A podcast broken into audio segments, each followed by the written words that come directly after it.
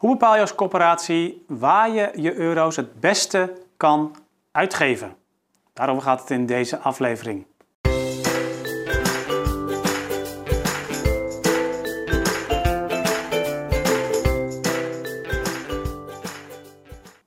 Ja, hoe kun je nou de euro's maatschappelijk gezien als corporatie het beste uitgeven? Nou, daarvoor moet je natuurlijk eerst in kaart brengen wat je uh, aan ruimte hebt en hoe je daar vervolgens ook mee wilt omgaan. En dat kun je eigenlijk in drie stappen doen. Stap 1 is het theoretische, de theoretische ruimte bepalen.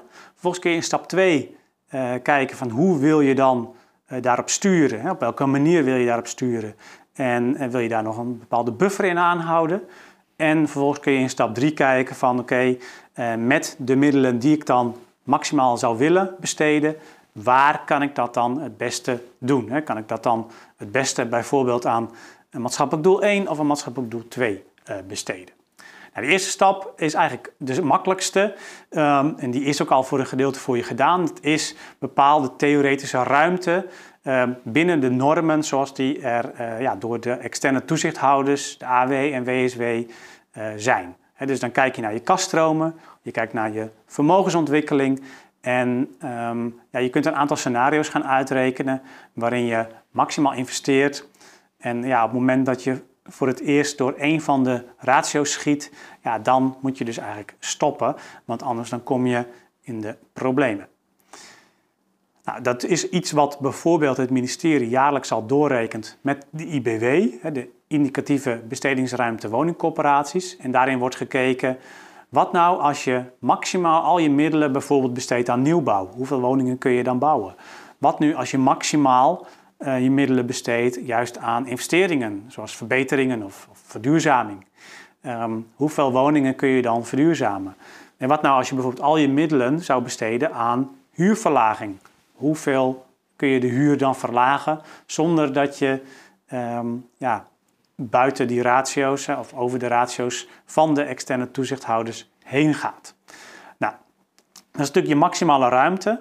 Um, en het nadeel daarvan is, als je dat één keer doet, dan is het dus ook op. En dan kun je daarna ook niet meer zoveel doen. Dus een tweede stap is wel om te kijken van wat wil je in een tijdbestek van de komende jaren, uh, komende vijf jaar, komende tien jaar bijvoorbeeld. Wat wil je uitgeven en hoe wil je dat je ook je, je kaststroom en je vermogenspositie zich ontwikkelen.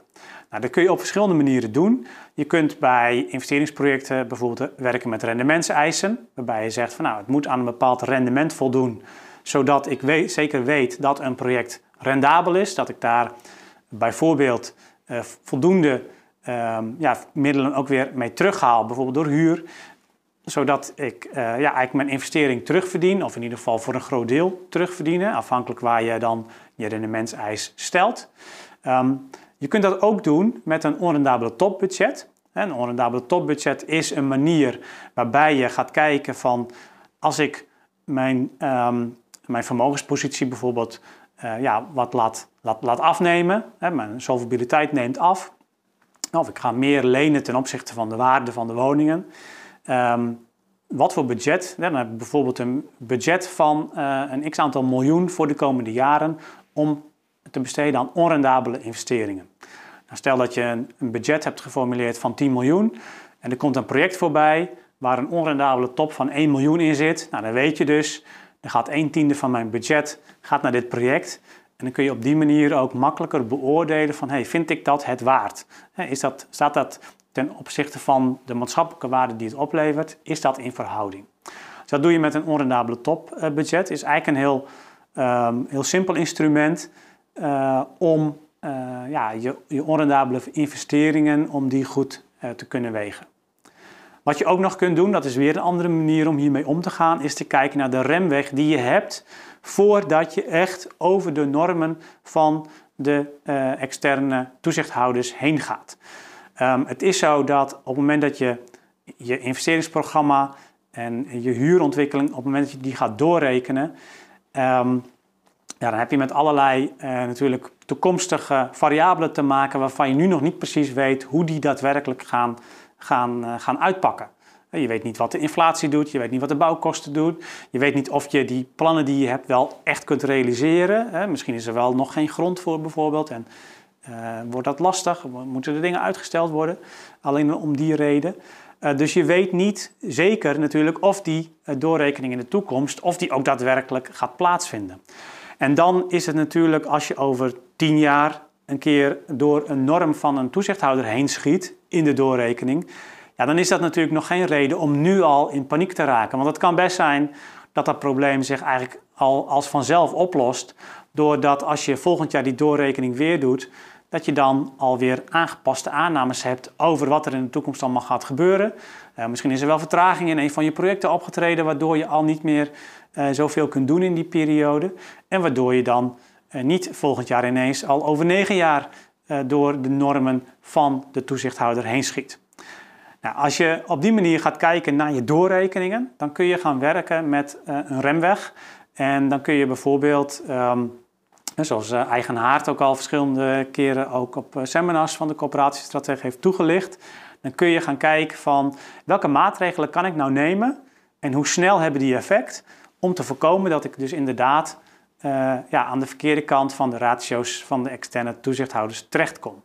En dan kan het bijvoorbeeld zijn dat als je, um, als je ziet van hé, hey, ik stop bijvoorbeeld het verkopen van woningen of ik ga juist meer woningen verkopen in dit geval ja, dan kan ik op korte termijn heel veel geld, uh, heel veel kaststroom extra genereren, waardoor mijn uh, ratio's er beter uitzien. Uh, ik kan bijvoorbeeld van de een op de andere dag stoppen met verkopen. Hè, dus dat heeft een vrij, ja, starten met verkopen. Dat heeft een vrij korte remweg.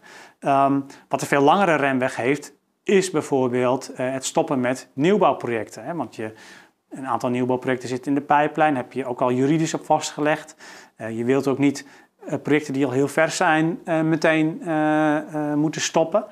dus je kunt wel stoppen met nieuwe plantvorming, maar het heeft een wat langere periode nodig voordat het echt effect heeft op je, op je financiële ratio's. Nou, op die manier kun je dat voor allerlei verschillende maatregelen in kaart gaan brengen. Dus voor al dan niet bezuinigen op onderhoud of je streefuren aanpassen, allemaal dat soort maatregelen. En dan kun je kijken hoe snel heeft dat effect op die externe of eigenlijk het, het, halen van die externe ratio's, financiële ratio's. Nou, op het moment dat je erachter komt dat je eigenlijk heel goed binnen een periode van één of twee jaar kunt sturen, ja, dan is het natuurlijk niet zinvol om nu al in paniek te raken op het moment dat je over tien jaar door een financiële norm schiet. En dan kun je ook best wel even afwachten tot volgend jaar, hoe het er dan uitziet.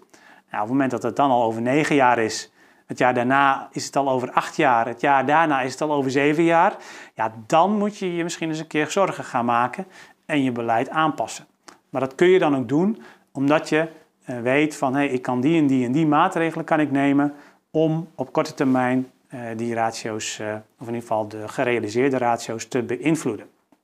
Dat is het werken met een remweg. Hè. Dus dit zijn eigenlijk drie voorbeelden. Dus die rendementseisen stellen, een topbudget, en uh, die remwegen in kaart brengen van verschillende maatregelen die je kunt nemen om, uh, ja, om te gaan met uh, de financiële ruimte die je als coöperatie hebt.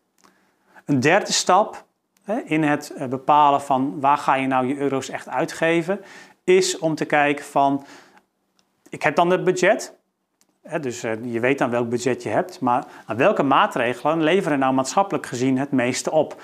Nou, dan moet je echt gaan kijken van, uh, in jouw werkgebied, waar is de meeste behoefte aan? En het kan best zijn dat het in het ene werkgebied is dat je vooral uh, moet nieuwbouwen, omdat er een enorme druk is.